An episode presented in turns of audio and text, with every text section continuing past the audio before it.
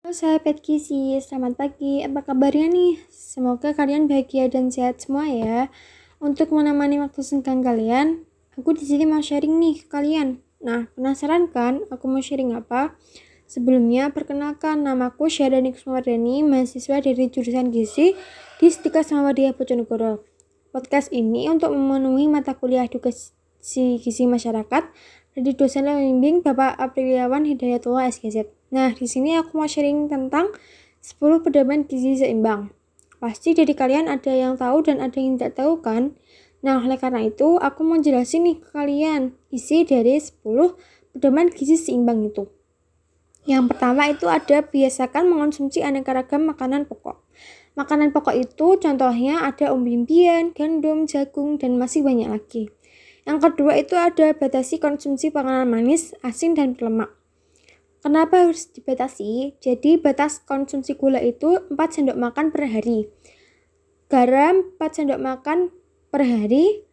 Lemak 5 sendok makan per hari. Yang ketiga ada lakukan lakukan aktivitas fisik yang cukup dan pertahankan berat badan ideal. Kenapa harus menjaga berat badan ideal? Agar hidup kita sehat dan untuk menjaga keseimbangan gizi kita. Yang keempat, ada biasakan mengonsumsi lauk pauk yang mengandung protein tinggi. Protein tinggi itu terdapat pada protein hewani dan protein nabati. Protein hewani itu ada ikan, daging. Dan nabati itu terdapat pada tempe, tahu, dan kacang-kacangan. Yang kelima itu ada ta cuci tangan pakai sabun dengan air mengalir. Nah, kenapa harus cuci tangan? Agar menjaga kebersihan tangan sebelum makan ataupun sesudah makan. Yang keenam, itu ada biasakan sarapan pagi. Kita harus membiasakan sarapan pagi sebelum memulai aktivitas karena tubuh kita membutuhkan energi agar kita dapat beraktivitas dengan baik dan optimal. Yang ketujuh ada biasakan minum air putih yang cukup dan aman. Ini nih yang sering teman-teman lupakan. Teman-teman tahu nggak sih?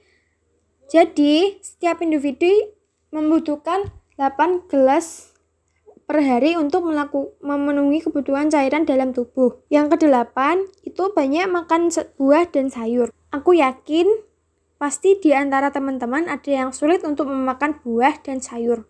Padahal buah dan sayur itu penting. Idealnya menurut pedoman gizi seimbang, makan sayuran setiap harinya itu sekitar 3 sampai 4 porsi.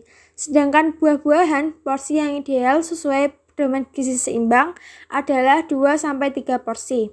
Yang kesembilan ada biasakan membaca label pada kemasan pangan. Kenapa kita harus membaca label?